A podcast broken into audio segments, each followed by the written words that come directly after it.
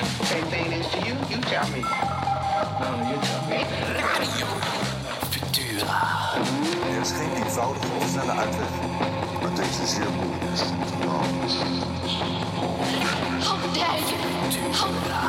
Our military has to be strengthened. Denk de theaterbeleving is op deze manier gewoon ongelooflijk moeilijk. Alexander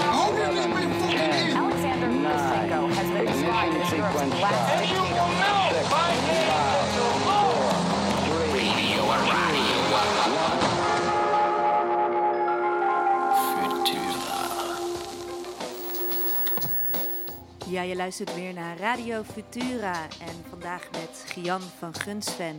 Dit is radio over theater in deze bewogen wereld. En vandaag duiken we in een theaterpraktijk die erg in deze wereld gaat.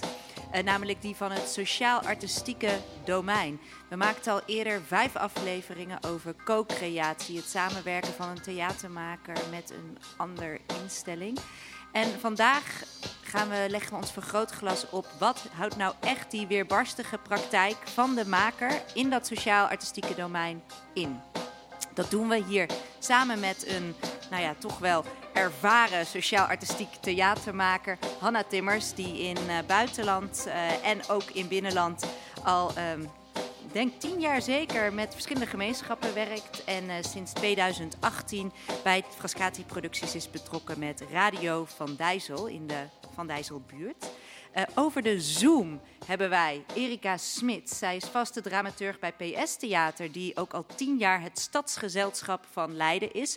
En dus de stad als werkterrein, onderzoek, partner en podium heeft. Erika, ben je daar? Ja, ik ben er. Goedenavond. Fijn dat je er bent. En ja, nou ja, voor, zijn, een, voor een wat groter perspectief eh, zit hier ook bij ons Sandra Trinekes. Zij is sociaal geograaf en cultuursocioloog. En zij heeft haar eigen onderzoeksbureau Urban Paradoxes, waarmee ze zich ook bezighoudt met wat zij noemt participatieve kunst. Radio Futura. Radio Futura.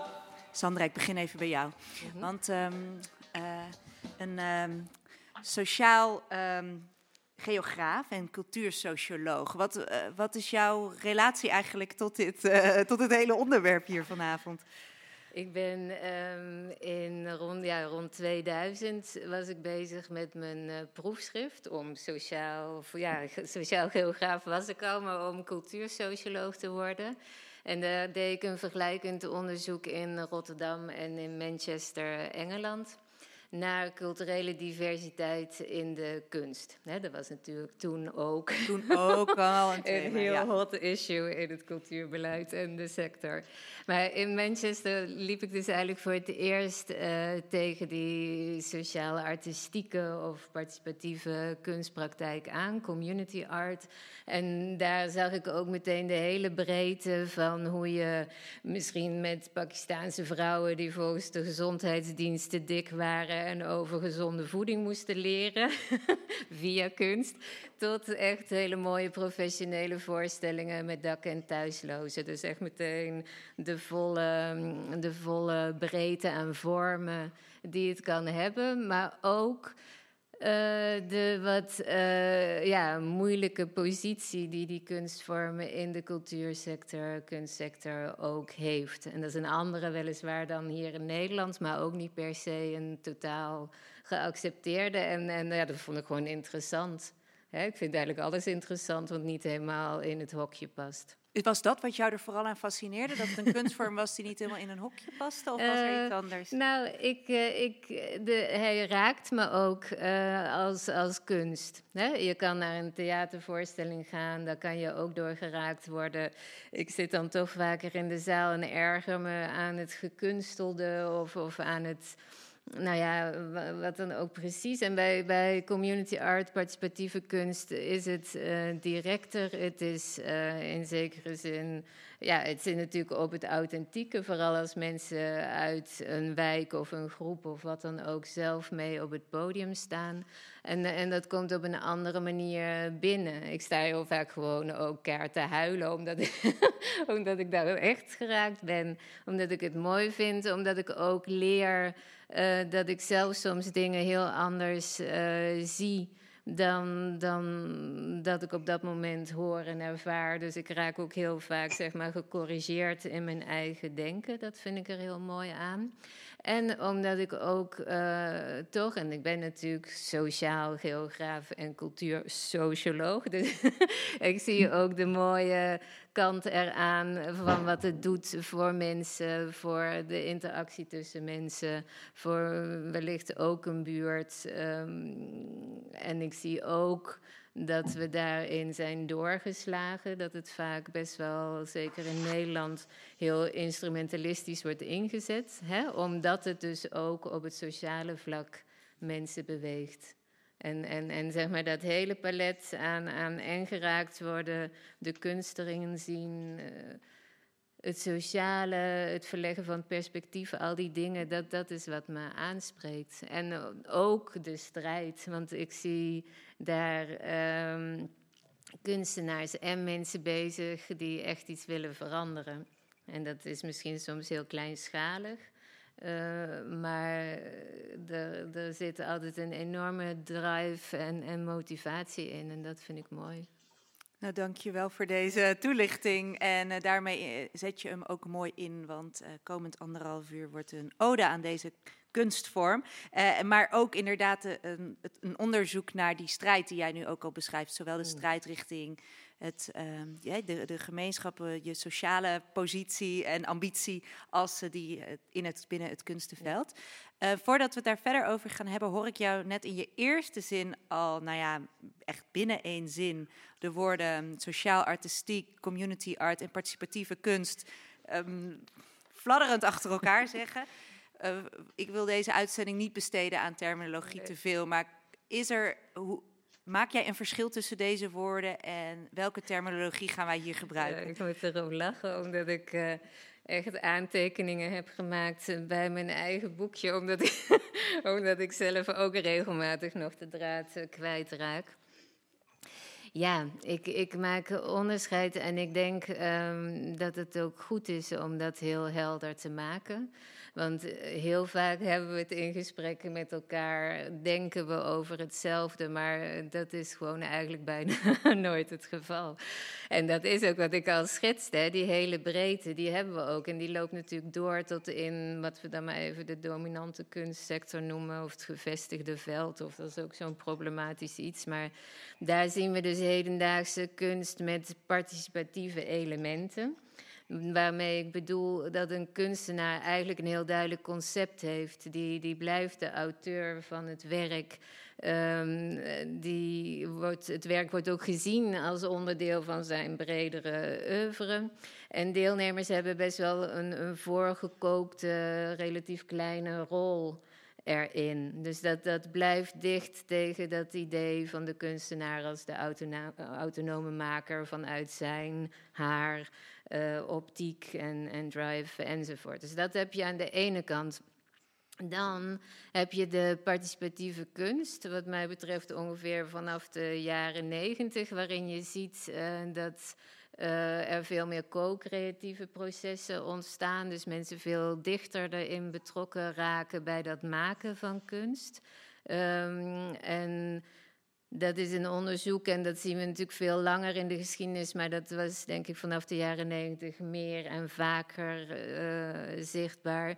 Het, het, opzoeken van die relatie tussen kunst en publiek, het maken, deelnemen, uh, dus productie, consumptie, al die dingen wilden ze gewoon verkennen en kijken van hoe je dat veel meer op elkaar uh, kan leggen en zien gezamenlijk dan wat er uitkomt. Dus dat uh, is het idee van kunst is iets wat je doet. En, en in tegenstelling tot wat ik net zei uh, over de hedendaagse kunst, daar is een kunstenaar zijn, dus iets wat je bent. He, dus dat is daar het verschil. Mm. En dan binnen die bredere participatieve kunst heb je inderdaad die community art, die veel meer richting mensenrechten, uh, democratiseren van de kunst uh, gaat, waar het echt uh, sorry, vanuit het gelijkheidsprincipe vertrekt. Dus mensen kunst laten maken op hun eigen voorwaarden. En natuurlijk gezamenlijk. Hè. Die kunstenaar heeft zijn rol, de deelnemers hebben hun rol, andere betrokkenen hebben hun rol. Maar dat is dus ook kunst. En daarin gaat het ook om kwaliteit. Maar er kan ook iets van nut in zitten. Het mag ook om een emancipatoire proces gaan of een anderszins een verandering die opgezocht wordt. Dus dat, dat is dan misschien, hè, als je het op een sociale schaal zou zetten, al iets meer richting de sociale artistieke, of dat is de sociaal-artistieke kunst. Als je dan nog meer richting dat sociale gaat, keeper je wat mij betreft uit de kunst. dat heb je dus met die Hindoestaanse vrouwen die moesten leren gezond koken. Dat zijn wat mij betreft creatieve toepassingen buiten de kunst. Dus mm. daar zouden we het dan, als we het over kunst hebben, niet over moeten hebben om, om het gesprek puur te houden. En om praktijken dus ook niet af te rekenen op allerlei sociale doelen die binnen die kunstvormen ook niet beoogd worden. En dan ben ik zelf, uh, in ieder geval in de publicatie over participatieve kunst, uitgekomen op collectieve kunst. Ook niet omdat ik denk dat we het alleen maar over termen moeten hebben of dat we er niet al uh, genoeg van hebben, maar om, om nog meer een soort ideale toekomstvariant uh, te schetsen, die zich iets meer loswerkt van al die beleidsagenda's, ook van dat neoliberale streven naar het versterken van het individu omwille van het individu, maar juist het accent te leggen op het collectieve. Dus Want wat zou dat zijn dan, collectieve kunst? Het, ja, aan de ene kant blijft het natuurlijk gewoon het collectieve maakproces van, van meer mensen dan alleen uh, kunstenaars. Uh, het bouwen van een tijdelijk uh, collectief waar ook naast kunstenaars, deelnemers misschien ook andere activistischere of, of andere sociaal-maatschappelijk betrokken mensen een onderdeel van kunnen worden. En, en waar het eigenlijk uh, nog nadrukkelijker gaat om de ervaring van in gemeenschap zijn. Hè? Dus community art is gemeenschapskunst, maar het gaat niet om het bevestigen van de gemeenschap. Het gaat om een, een gevoel van collectiviteit of, of solidariteit of, of het, het samen streven naar een gezamenlijk doel. Wat iets anders is dan wanneer je inzet op van deze persoon zou wel wat versterking kunnen gebruiken, op wat voor vlak dan ook. Laat hem haar meedoen aan een, collectief, of aan een community art traject. En dan is hij empowered. Dat is natuurlijk ook belangrijk. Dat willen we uiteraard ook in de samenleving. Maar binnen die collectieve kunst denk ik dat als je nu vandaag de dag mensen de bewustwording kan geven van het belang van collectief en het gezamenlijk streven naar het gezamenlijk goed dan is dat best wel radicaal in de wereld die we nu hebben, waarin toch heel erg de focus ligt op, op jezelf presenteren, op, op het individu, op hè, concurrentie, al die dingen. Dus dat meer als, als tegenhanger. En het, als we het dan hebben over het um, sociaal-artistieke, artistiek-sociale, nou, sociaal-artistieke domein, ja. uh, dan zeg jij, als ik het goed begrijp, dat is eigenlijk de hele range van al deze termen. Ja. Uh, van kunst tot en met dus echt, ja, dus wat community art is en wat dat is gaan betekenen. Ja. Uh, al deze dingen vallen daar, uh, al deze maten van ja, die, die, die jezelf als de, de, ja, de autonomie van de kunstenaar tot met echt bezig zijn met de gemeenschap creëren, horen daar allemaal nog bij. Ja, je kan het zien als een, als een, als een zekere zin een, een schaal hè, van mate van collectiviteit.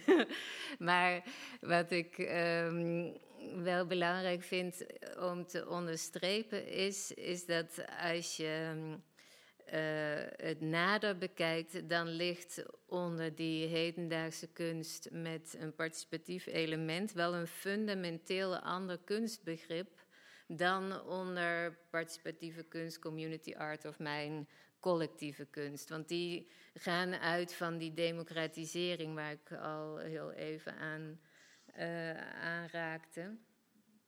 Dat je eh, wilt, de, zelfs in, in de rechten van de, wat is het, uh, uh, ja, de internationale rechten van de mens staat dat je recht hebt als individu, als mens, om kunst te maken ook. Hè? Dus in Nederland zien we community art uh, heel erg als uh, cultuurparticipatie. We hebben ook alleen het Fonds Cultuurparticipatie bij die andere nationale fondsen die disciplinair zijn ingericht, daar kom je met je community art bijna ook niet echt terecht. Hè? Dus we zien dat als participatie, terwijl die community art stelt van het is ook echt een recht van mensen om te mogen maken. En om te mogen maken echt vanuit je eigen overtuiging van hoe je dat wilt.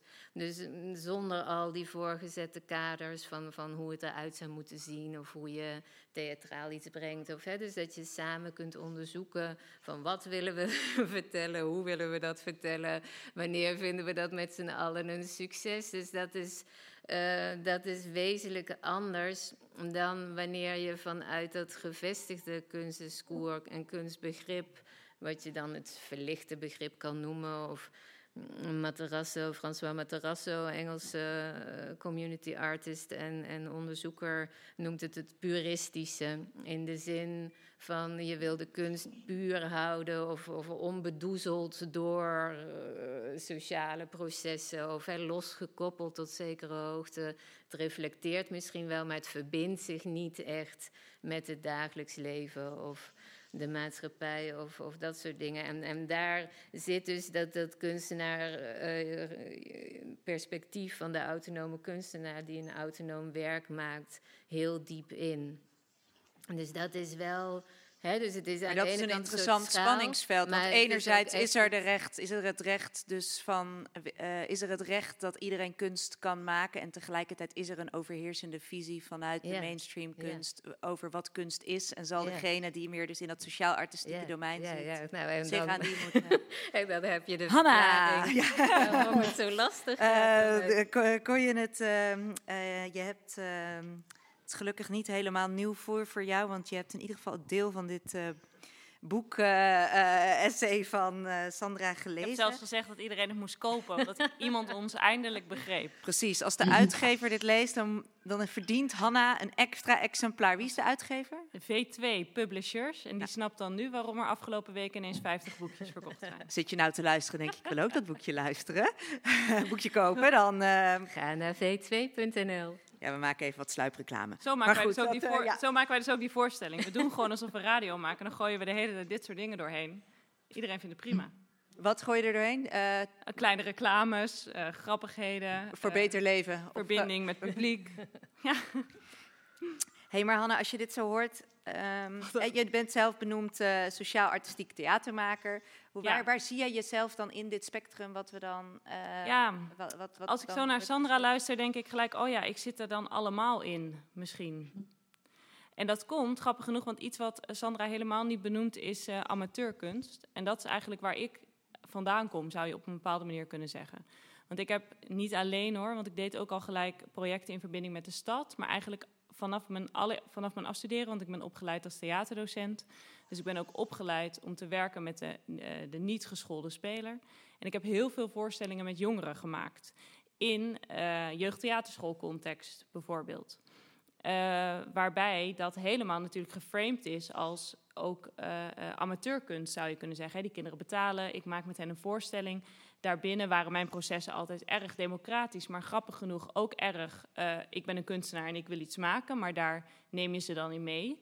Uh, dus dat is ook een soort proces waar je elkaar dan in het midden ontmoet.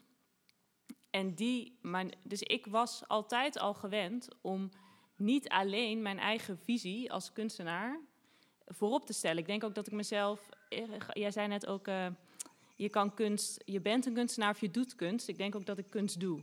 De, mm. Dus ik vind het ook soms moeilijk om te zeggen ik ben kunstenaar. Dat zeg ik eigenlijk niet zo vaak. Ik zeg wel, ik ben maker of ik ben theatermaker. En ik werk met mensen. En dat komt echt voort vanuit eigenlijk dat hele vele lesgeven, dat werken met jongeren. En ook wel die koppeling gelijk naar de stad en met de wereld. Maar altijd helemaal niet denkend vanuit, ik heb een andere professional nodig om voor elkaar te krijgen wat ik wil doen. Uh, waarbij het ook heel goed kan zijn dat ik in die processen helemaal niet geïnteresseerd was in die jongeren zelf, als in om dat op het toneel te zetten. Dus dat is nu een soort trend. Hè? Bijna alle jongerenvoorstellingen gaan over jongeren zelf. Nou, is dodelijk op, de, op, op een gegeven moment. denk je, ja, we hebben allemaal puberproblematiek. Terwijl je kan met hen ook gewoon een Oscar van Woensel spelen. Alleen, je moet je proces dan zo inrichten dat het ook over hen gaat. En dat ze uiteindelijk dat geëngageerd staan te doen. Want je geeft ook kader, je geeft ook visie. Dat is denk ik wat het werk van een theaterdocent is. Dat je zeg maar de deur van de kerk open zegt en zegt... goh, zullen we samen in die deuropening gaan staan? En, en eens samen naar die kerk kijken. En hoe vind jij dat die er eigenlijk uitziet? En, en wat zeggen die weerspiegelingen jou? Ja, mij zegt het dit. Maar niet dat dat van mij zegt het dit belangrijker is dan jou zegt het dit. Maar wel, kom, zal ik je bij de hand nemen en zullen we er eens samen doorheen lopen? Want ik heb er al vaker doorheen gelopen. Um, en wat is voor jou dan de omslag van die theaterdocent zijn? Dus met niet uh, uh, professionele, uh, nou, hoe je het net zo mooi formuleerde naar, um, wat, naar dit. Naar dit, wat, waar je, wat je nu maakt. Misschien is het nou, handig als je heel kort even uitlegt ja, over je huidige project. Ja, nou, er is eigenlijk één hele duidelijke aanleiding. Want ik bedacht dat ik met twee jongeren die ik in een groep had, in Leiden toevallig, een project wilde doen met twee fietsen. Met een uitklapbare tafel wilde ik van Leiden naar Parijs fietsen om dan onderweg op zoek te gaan naar Europese bevlogenheid. Want ik was vier jaar lang op de theaterschool zo doorgevraagd over wat ik wilde dat ik dat heel goed wist. Maar ik merkte dat heel veel uh, vrienden van mij die universiteit hadden gedaan geen idee hadden, want die hadden vooral iets geleerd, maar geen niet leren doen, zeg maar. Dus ik dacht, dat is leuk en dat ga ik met de jongeren doen. Want toen dacht ik ook nog, ik moet alles via, ja, ik weet het niet alleen jongeren, maar via die ongeoefende speler doen. En toen ben ik met die twee jongeren van Leiden naar Parijs gefietst. Nou, ik ga denk tien jaar eerder dood doordat ik dat gedaan heb. Omdat het was natuurlijk een helse onderneming. Uh, maar wat daarbij heel erg naar voren kwam, is dat we dus onderweg klapten we die tafel uit. Uh, die, op marktpleinen, mensen kwamen bij ons aan tafel en we vroegen: hey, wat is er nou eigenlijk belangrijk voor jou? En dat verzamelden we allemaal op die tafel. Dat werd een reis in de tentoonstelling. En daar hebben we een voorstelling over gemaakt waarbij de dramaturgie van die reis, met regen, tegenwind, tegenslag, omwegen, huilen, al die dingen, de dramaturgie werd van de voorstelling. En dat was voor mij echt de vondst. Enerzijds die tafel, dat uitklappen en hoe verder we kwamen. Dat mensen zeiden, ben je echt helemaal uit Leiden hier naartoe gekomen? Ik weet nog zo goed, langs Kanaal Saint-Martin stonden we daarna. Mensen waren verbijsterd. Mm. Uh, uh, want het zag ook tamelijk dramatisch uit als die tafel uitgeklapt was. En toen dacht ik, ah ja, ik heb moeite gedaan voor hun, zo voelde het. Voor jouw doodnormale verhaal heb ik moeite gedaan. En daarom wil jij een half uur bij mij aan tafel zitten om ook weer jouw verhaal te delen. Dat was echt een vondst. En mijn vondst was dus dat dat, dat proces dramaturgisch zo bepalend werd voor dat wat we uiteindelijk vertelden. Hm. Namelijk, bevlogenheid is misschien ook gewoon iets gaan doen. Uh, en uh, dat proberen met wind en regen en tegenslag. En dat is eigenlijk misschien nog steeds wel hoe ik het doe. Dus zo ben ik eigenlijk gekoppeld geraakt aan die stad. En zo ben ik, of hè, aan de wereld zou je kunnen zeggen. En zo ben ik eigenlijk steeds op plekken terechtgekomen waar ik projecten ging doen met één been in de kunst, zou je kunnen zeggen, en het andere been in de wereld. Dus in Den Haag bij het Nationale Theater heb ik een groot project gemaakt met drie gebedshuizen over die gebedshuizen en hun buren. Dat kwam eigenlijk heel letterlijk wel vanuit mezelf als kunstenaar, omdat ik tegenover een kerk had gewoond, maar daar nooit naar binnen ging. En ik dacht, ja, want ik heb daar toch niks mee te maken. En toen dacht ik, ja, zo staan er natuurlijk overal gebedshuizen waarbij mensen denken, ik heb er niks mee te maken. En voor wie anderen het het heiligdom is. Nou ja, eh, lang verhaal kort. Oh, Theater naar de Dam was natuurlijk heel belangrijk. Dus ik werk al tien jaar voor Theater naar de Dam. Wat gebaseerd is op eh, die jongere projecten over ontmoetingen tussen jongeren en ouderen. Onder andere en het gesprek over de relevantie van de Tweede Wereldoorlog en de herdenking daarvan in deze tijd. En dat is gewoon zo belangrijk geworden voor hoe verbindend ik altijd met andere mensen dat werk, dat theaterwerk eigenlijk ben gaan benaderen. Hoe, hoe zou jij dat, uh, uh, welke woorden zou jij dit, dit uh, uh, Hanna als kunstenaar? Ja, ik denk dat je van, uh, van amateurkunst naar, naar uh, community art bent overgegaan. en natuurlijk heb je kunstenaars die, die de ene keer dit doen, de andere keer dat. En het is ook allemaal niet zo zwart-wit nee. en hè, de grenzen zijn diffuus. Maar bijvoorbeeld en... community art zou ik dan zelf weer niet gebruiken. En waarom niet? Nou, dat is dus denk ik, want dat gaat gewoon over connotatie die je daarbij hebt. Dus daarbij... Ik wist namelijk dat je dit ja, ging Ik hoorde jou het woord community art zeggen. Ik, ik wist gewoon zo van. Ik zeg het ook niet voor niks. Ja, en waarom is dit dan? Want dit is nou ja, natuurlijk. Omdat het zo beladen is. We hebben dat vooral in Nederland helemaal volgepompt met het idee dat het dan sociaal is en geen kunst. En, en dat het. Uh, om te helpen en weet ik veel. We hebben daar iets, uh, denk ik, van gemaakt uh, wat het niet hoeft te zijn. Wat het voor mij signaleert is precies wat je zegt: van je bent er samen met die jongeren aan het worstelen. En, en, en al, al, kijk, natuurlijk kom je als kunstenaar niet blanco aan. Hè? Je komt wel met een soort lijn en een idee, en, maar dat ga je samen invullen. En dat heb je volgens mij, doe je dat uh, gaandeweg, letterlijk. op weg maar wat is dan, wat wil ik eigenlijk naartoe, waarom die woorden? Wat is daar voor nou, jou? omdat ik eigenlijk denk, want de, de, de lijn is niet helemaal af. Dus ik, zou, ik denk dat bijvoorbeeld het gebedshuisproject, eerst zien dan geloven, maar ook zeker Radio van Dijssel. Het is, ik denk dat ik misschien van amateurkunst via community art naar sociaal artistiek en wat nu vaak co-creatie wordt genoemd, waar ik me bijvoorbeeld niet in herken. Ja, het is ook allemaal maar taal, weet je wel. Ja, En um, ja, dit is taal, maar er zit de, de, waarom ik het dan toch in, wel in, uh, uh, van dat ik denk van, ah, er, er is blijkbaar een term in die taal geslopen Waar, um... Nou, ik dacht nu vooral eigenlijk, omdat luisteren naar wat Sandra net zei, dacht ik, ah ja, in, maar in die definitie van community art maak ik geen community art. Dus mijn uh, processen nu, en volgens mij moeten we Radio van Dijssel misschien gewoon even als casus nemen, wat dus een uh, theatrale radioshow is in de Lodewijk van Dijsselbuurt, waarin we doen, we is dan uh, twee acteurs, Luca van Slagmaat, een social designer, en ik, en allerlei andere mensen, waarin we doen alsof we een radioshow maken maar het is theater. En uh, dat doen we vanuit een heel klein pand in de Lodewijk van Dijsselbuurt, vier keer per jaar. En daarin is het denk ik geen community art, omdat het proces in feite niet zo democratisch is als Sandra net beschreef met de community art. Dus ik ga niet met iedereen die daarbij betrokken is, over het geheel, zeg maar, zitten en dan denken, wat gaan we doen? Eigenlijk kom ik best wel met ergens een thema. Dus ik heb bijvoorbeeld een aflevering gemaakt over, uh, die heette Je Moeder. Dus dat, ik was nieuwsgierig naar allerlei verhalen over moeders. En dan mhm. zijn we mensen, we maken interventies waardoor we mensen ontmoeten op straat. Uh, zijn we mensen gaan spreken over hun moeder, sommige mensen uitgebreider. Sommige mensen wilden hun verhaal wel in de voorstelling vertellen. Anderen schreef ik een soort monoloog die een acteur ging spelen. Dus uiteindelijk geven is dat niet het de, de, democratische proces bijvoorbeeld... wat ik wel iets meer heb met als ik met een groep jongeren werk. Bijvoorbeeld bij ITA heb ik een voorstelling over Amsterdam gemaakt dan is dat proces democratischer, zou je kunnen zeggen. Hm. Zo bij Radio van Dijssel zou je kunnen zeggen dat het... Daar was ik net aan het nadenken over die participatieve kunst met een, met een participatief element. Dat zit volgens mij tussen die twee vormen, tussen participatieve kunst en kunst met een participatief element in. I don't know eigenlijk. Is het belangrijk voor jou, deze woorden? Uh, nee. Maar Maakt het niet uit wat iemand jou, laat ik maar zeggen, onder de, op de flyer zou zetten? Ik ben heel blij met die term sociaal-artistiek. Dat wilde ik net vragen, want dat vind ik eigenlijk net zo beladen als community art. Waarom kan je oh daar makkelijker mee uit de voeten? Omdat ik het heel helder vind. Het is sociaal en het is artistiek en dat zit in de, in de benaming. Oh ja. En ik denk ook dat het een term is waarin uh, veel mensen nu spreken. Dus ik vind hem eigenlijk heel helder. Erika?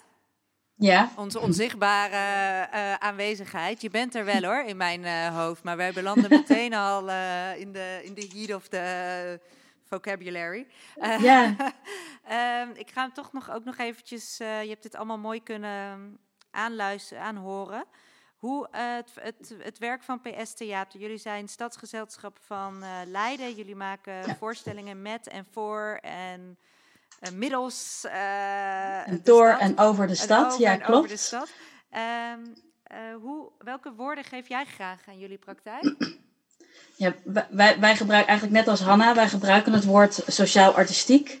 En ik sluit me eigenlijk wel aan bij wat Hanna aan het einde zei. Het is voor, voor mij en voor ons, ja, duidt dat gewoon ook voor ons precies wat het is. Het is artistiek, want we maken kunst. Uh, en het is ook sociaal, want we doen dat uh, met mensen. En we doen verschillende projecten in een jaar. en dat doen we zo tien jaar. Dus, ieder, dus het is ook steeds een beetje een balans. Het ene project is dan weer wat artistieker met sociale elementen erin. En het andere project is dan weer uh, veel socialer en heeft dan wat artistieke elementen erin. Dus het, wat ik er ook prettig aan vind, is dat het dus een soort uh, als het een soort weegschaal is of zo, dat we, nou, de ene keer kunnen we een beetje zo, en de andere keer uh, wegen we een beetje naar de andere kant. Dus dat het, dat het nooit bij uh, één project alleen maar één ding is, of dat we als gezelschap alleen maar artistiek mogen zijn of alleen maar sociaal mogen zijn. We varen daar een beetje onze eigen koers in. En moeten jullie daar maar veel we over, hanteren... moeten jullie je daar veel over verantwoorden? Moet je vaak deze woorden gebruiken of deze woorden verdedigen of deze woorden... Um, ligt, ja, ja, we moeten heel veel uitleggen. Maar het ligt een beetje aan uh, bij wie we aan tafel zitten, wat we moeten uitleggen. Omdat natuurlijk ook veel met, uh, we werken veel met maatschappelijke organisaties. Dus dan, ja, dat zijn mensen echt buiten theater. Dus dan moet je heel erg uitleggen, überhaupt, dat je theater maakt. En dat dat niet eng is, bijvoorbeeld. en dat het ook heel dichtbij kan. Of dat het niet per se met historische kostuums is of zo. Dus dan moeten we daar heel veel vooroordelen weghalen. Bij sommige fondsen snappen heel goed de balans waar je in, in zoekt. Andere fondsen weer minder, dus dan ben je het wel heel erg aan het uitleggen. Ehm, wat, wat ook een beetje aan kleeft, is omdat het proces ook heel belangrijk is. Um, we weten aan het begin, hebben wij ook wel een thema en zien we voor ons hoe het, hoe het maakproces er ongeveer uit gaat zien en ook wel ongeveer het concept van een voorstelling. Maar omdat het ook zo, ja, het, het ontstaat ook zo terwijl we het maken, dat onze concepten aan het, helemaal aan het begin van het proces niet altijd even helder zijn. En dat is wel eens lastig bij fondsenwerving. Dus dan moet je wel eens nou ja, een beetje het vertrouwen krijgen dat je er wel uitkomt. Um, maar maar dat, is, dat is dus iets meer beleidsmatig.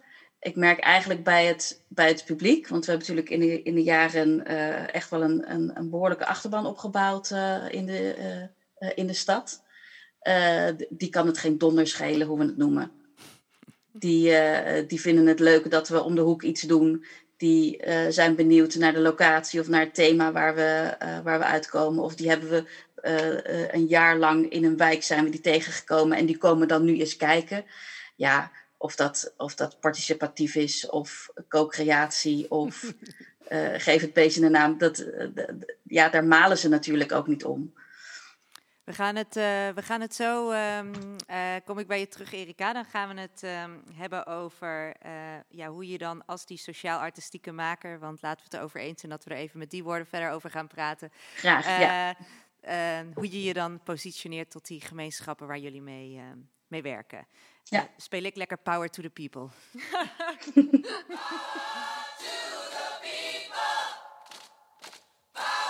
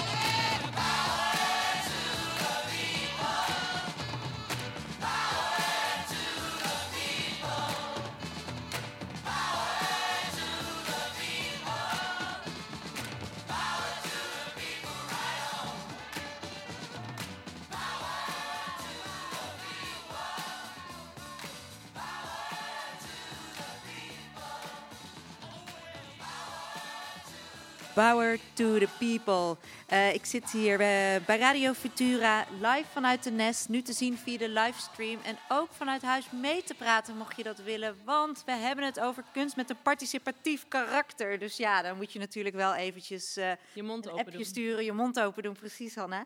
En dat kan via het nummer 06 48 68 02 87. Dus 06 680287. Je kan ook gewoon appen. Ik heb de telefoon hier in mijn hand.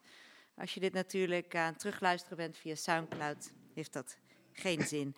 Uh, we hebben het hier over uh, het, uh, de zoektocht van de theatermaker in de sociaal-artistieke domein.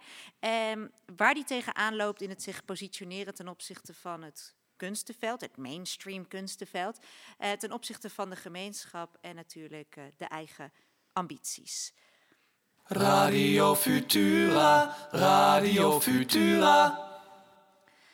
Uh, Erika, jij, uh, voordat we naar Power to the People luisterden, uh, sloot jij je zin ook af met ehm, nou ja, het, het, belang wat dan de mensen, de gemeenschap noem ik ze even, de wijk, voor in jullie geval de stad, hecht aan hoe jullie genoemd worden of hoe jullie gezien worden vanuit het kunstenveld. Dat dat voor hun niet zoveel uitmaakt.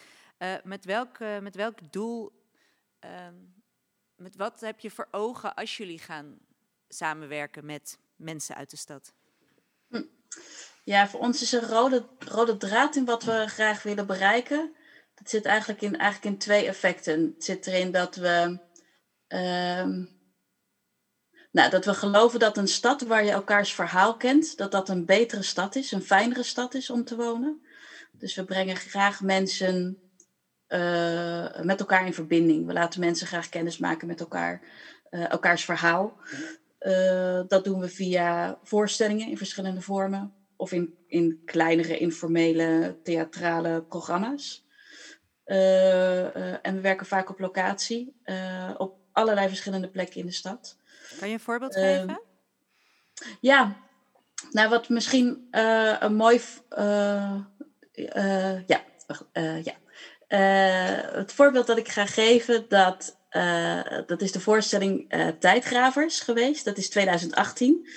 Dus die is iets, iets ouder, maar ik denk dat het proces dat daar naartoe geleid heeft en wat het gedaan heeft, dat dat heel erg past in, in, dit, in dit gesprek.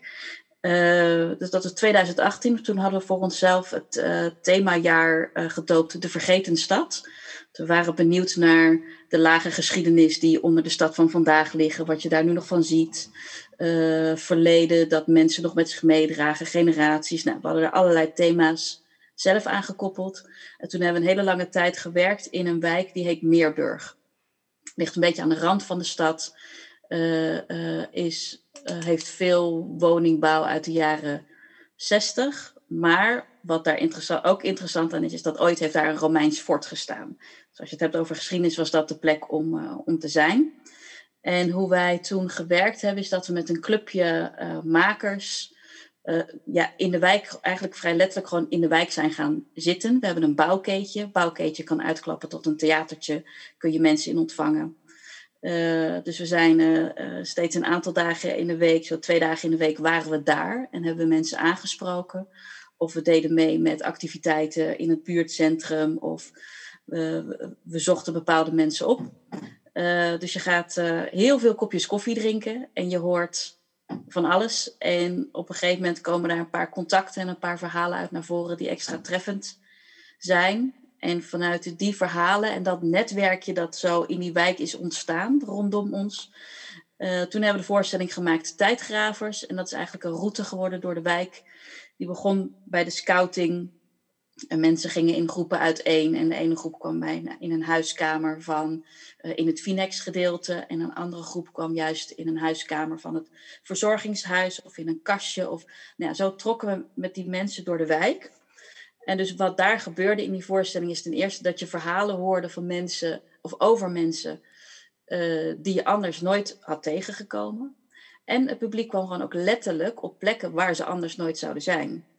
En omdat wij vaak ook werken met, uh, uh, met koptelefoonsysteem, Uh, waar je dan ook nog allerlei teksten hoort en zo. Dus je loopt door een, wijk en je gaat echt anders kijken naar de wijk die je ofwel nog niet kende omdat je er nog nooit geweest bent, want je kende er niemand. Of waar je al jaren woont, maar je hebt nog nooit op deze manier naar dit slootje gekeken. Of er zijn mensen die nu niet meer langs dat huis kunnen lopen zonder te denken, ah ja, daar woont Lisbeth, die had dit en dit verhaal. Is, dus dat een, is dat een, ik heb wel een vraag, is dat een gedeelde waarde die je dan hebt op het moment dat je dus in die uh, stad of op die plek die je net noemde met dat keetje zat van hè, jullie ambitie van het ongehoorde gehoord maken of uh, het sluit een beetje aan bij Frascati, die heeft dan de onvertelde stad. Hè, dat moet meer gehoord worden. Is dat dan iets wat klikt bij de mensen, uh, wiens verhaal jij wil dat dat weer door andere mensen gehoord gaat worden? Ja, in, in eerste instantie nog niet. Nee, dat is natuurlijk dat is, dat is een deel van het uh, kopjes koffie drinken en het, uh, het, het, het, mensen overtuigen, omdat ze natuurlijk nog niet helemaal, helemaal meekrijgen of zien waar dat, waar dat dan toe leidt. En natuurlijk ook omdat heel veel mensen denken, ja, ik heb geen verhaal. En vervolgens blijkt er prachtig materiaal te liggen. Maar waar, maar wat, um, dus wat... dat maakt ook dat deze manier van werken behoorlijk tijdsintensief is. En dat het ook gaat om vertrouwen uh, opbouwen. Maar mag ik wil toch, ben toch, ik onderbreek je even hoor, maar dat, ja, ja. ik ben dan gewoon. Wat maakt dan dat jij vindt dat hun verhaal of jullie hun verhaal uh, gehoord moet worden? Um, als ze dat zelf helemaal niet per se dat verlangen hebben dat hun verhaal gehoord moet worden, hoe, kan je, hoe blijf je dan bij die overtuiging dat hun verhaal. Waar komt, wat is dat dan voor een overtuiging, laat ik maar zeggen? Um, nou, ja, dat je toch ik denk waar je als theatermaker of kunstenaar natuurlijk wel een, wel een oog voor hebt, is, is voor een bepaalde schoonheid of een bepaalde ontroering. Um, of waar, waar een goed verhaal in zit. Dat is wat een kunstenaar ook kan. Denken, ah, maar hier zit iets. Kijk, dat is volgens mij dus dat staan in de deuropening van de kerk. Dus, ja. iemand, dus ik denk ook dat er heel veel mensen zijn die niet intrinsiek het verlangen hebben dat hun verhaal gehoord wordt. Ik heb als mens ook niet per se intrinsiek het verlangen dat al mijn verhalen gehoord worden. Terwijl als daar dan iemand is die oprecht luistert, die geïnteresseerd is, die bijvoorbeeld verschillende verhalen naast elkaar kan zetten tot een nieuw verhaal, dat daar een nieuwe waarde aan toegevoegd wordt. Een waarde die je als voorbijganger, om het maar even zo te zeggen, of medemens niet had kunnen verwachten, omdat je dat kader van die verwachting helemaal niet kent. Jij dus maakt hun persoonlijk en daar zit, van een daar zit, als ik, uh, als ik Hanna mag aanvullen, ja, tuurlijk, daar ja. zit natuurlijk ook iets bijzonders, uh, of uh, ook een deel van het, ja, ik zou maar zeggen, het ambacht in, inderdaad, ja. het bij elkaar plaatsen van die verhalen. Op een manier dat het dus ook nog eens een optelsom wordt dat al die losse verhalen, in, dus in de voorstelling, uh, in, die, in die route, die gingen dus ineens allemaal over keuzes die mensen hebben gemaakt die hen op een bepaalde plek hebben gebracht. Maar, en, het, ja, ik... en, het, nou ja, en dat, dan, dan gaat het dus niet meer alleen over het verhaal van Lisbeth of over het verhaal van mevrouw van Oosten, maar dan gaat het over hoe je als mens in het leven staat en bepaalde keuzes maakt. Um, het wordt een nieuw ja. verhaal eigenlijk. En ja. ik denk ook dat dat is waarom je kunstenaar bent en niet uh, journalist bijvoorbeeld. Hè? Dus je, je, je pikt er ook selectiever misschien dingen uit met elkaar, vaak met diegene. Je praat al over een bepaald. Want ook, ik vind het soms ook moeilijk om te zeggen iemands verhaal. Alsof iemand maar één verhaal is. Hè? Terwijl het is in feite een verhaal van iemand op een bepaald moment in een bepaalde context vertelt. En heb jij dat nee. grotere, Hanna, heb jij dat grotere verhaal dan al voor ogen als uh, van, oh, ik wil het graag hierover hebben en daar. Nou, bij radio, ja, bij radio van Dijssel kiezen we wel heel vaak, of eigenlijk is dat altijd zo, hebben we van tevoren een thema. Hè? Dus dan van tevoren heb ik een, van deze aflevering gaat over je moeder. Maar wat er bijvoorbeeld om die moederaflevering even als voorbeeld te nemen, wat daarin gebeurde, is dat we gingen dus allerlei mensen spreken over hun moeder. En op een gegeven moment bleken uh, al die verhalen eigenlijk te gaan over de dood. Want al die moeders bleken dood. Um, want ik sprak ook veel wat oudere mensen, dus dat is vrij logisch. Maar er zat ook nog iets in dat ik dat zelf misschien ook wel had kunnen bedenken, want mijn moeder is ook dood. Dus, en omdat ik speelde zelf mee in die voorstelling, wat een heel belangrijk element is geworden, omdat ik eigenlijk ook steeds daardoor onze eigen positie kan bevragen. En tegelijkertijd net zoveel kwetsbaarheid in de waagschaal leg als ik vraag eigenlijk van die mensen om te doen. Dus uiteindelijk ging die voorstelling, die ik ook gewoon voor de grap hashtag je moeder had genoemd. Omdat ik dacht, nou, verhaal. En ik had ook gewoon een publiciteitstekstje waarin stond er verhalen over allerlei moeders, weet ik veel. Werd uiteindelijk een hele ontroerende aflevering over het afscheid moeten nemen van een moeder. Wat uiteindelijk iedereen moet doen. Dus je wordt geboren uit een moeder en daar moet je dan op een gegeven moment afscheid van nemen. En dat had ik helemaal niet bedacht. Terwijl dat in dit geval ook nog wel wonderlijk was dat ik dat niet bedacht had. Maar, en, en dat is denk ik ook wat Erika bedoelt van along the way, weet je, je verzint iets, maar je gaat niet Hamlet doen en je weet al ongeveer waar die Hamlet over gaat. Maar, maar is jouw doel bij de... Ja, tuurlijk, ja. Want eigenlijk, ehm, kijk, ik, ik geloof eh, dat je die processen heel mooi en, en integer doet. Hè. Het is geen inhaken op wat je net zei, maar we stuiten hiermee eh, wel op een eigenlijk toch ook soms problematische kant van het uh, participatieve kunstverhaal. Want ongehoorde verhalen aan zich is al eigenlijk een hele problematische term. Want die is alleen maar ongehoord in het perspectief van buitenaf. En dat zijn we dus heel vaak als kunstpubliek, als, als makers, als we zo'n gemeenschap ingaan. Dus dat moeten we uitermate zorgvuldig uh, doen en met een hele goede ethisch sterke reflectie op het eigen handelen, op het hele proces, op hoe je de mensen erbij betrekt. Zijn de mensen bijvoorbeeld ook op de hoogte van, van de doelen die je hebt. Zeker als je nog financiers hebt en het doel is misschien iets socialer of dus meer richting dat empowerment of het veranderen van, van mensen of gemeenschappen. Dan, dan hè, dus, dus niet over jouw ding, maar in het algemeen. Daar moeten we ons denk ik wel veel meer rekenschap van geven. Van, van ja, hoezo ongehoord? En ook hoezo inderdaad, wat jij net ook zelf zei, moet iedereen zijn eigen verhaal vertellen. Want dat is eigenlijk alleen maar koren op de molen van de hele, ja, wat er ook in de sociale media en elders gebeurt. Het ik, ik, ik en mijn identiteit, mijn identiteit. In plaats van misschien reflecteren op, op ook waar het maatschappelijk heen gaat of politiek. Of maar juist dus waar we niet samen zijn. Of, hè, dus er, er zitten heel veel dingen aan waar we soms veel te snel uh, in die participatieve streep kunstsector overheen stappen. Van, van, van waarom willen we dat precies? En dan vervolgens heb je inderdaad een heel secuur proces nodig om dat ethisch heel netjes afgehecht tot een einde te brengen. En nogmaals, ik heb het nu niet over jullie twee als voorbeeld, maar nee, dat zijn dit vragen waar jullie mee bezig zijn? Of hoe gaan jullie om met die balans? Want daar zijn jullie natuurlijk ook mee bekend. Op, daar uh, ja. tegenaan. Ja. Zeker, ik denk dat er één heel belangrijk ding is in iets waar ik in ieder geval op aanhaak, is dat er iets wordt gezegd over we gaan die gemeenschap in. Dat is, dat is, zo zie ik het niet. Ik ben onderdeel van die gemeenschap. Eh, ook omdat ik dus redelijk in de buurt woon, om het zo maar te zeggen. In de bredere buurt. Ik woon niet in de Van Dijssel, maar wel in Nieuw-West. En ik heb uh, echt een aversie ontwikkeld, ook um, om te spreken over de buurtbewoner. Alsof het een soort aparte diersoort is. Terwijl het is in, we zijn allemaal mensen. En toevallig maken wij theater daar in dat theatertje op die plek. En daarmee, dat is natuurlijk niet geheel toevallig, dat erken ik direct. Maar hè, en daarmee komen we een bepaalde groep mensen uh, tegen. Uh, maar dat is natuurlijk niet hoe dit project is ontstaan, toch? Die co-creatie met zo'n Rochdale, zo'n woningcorporatie, die, wilde, die wil iets met die buurt, toch? Die heeft een motivatie. Kijk, de, ik, uh, ja, dus Rochdale heeft denk ik het verlangen dat doordat wij er zijn, dat er meer cohesie is in de buurt.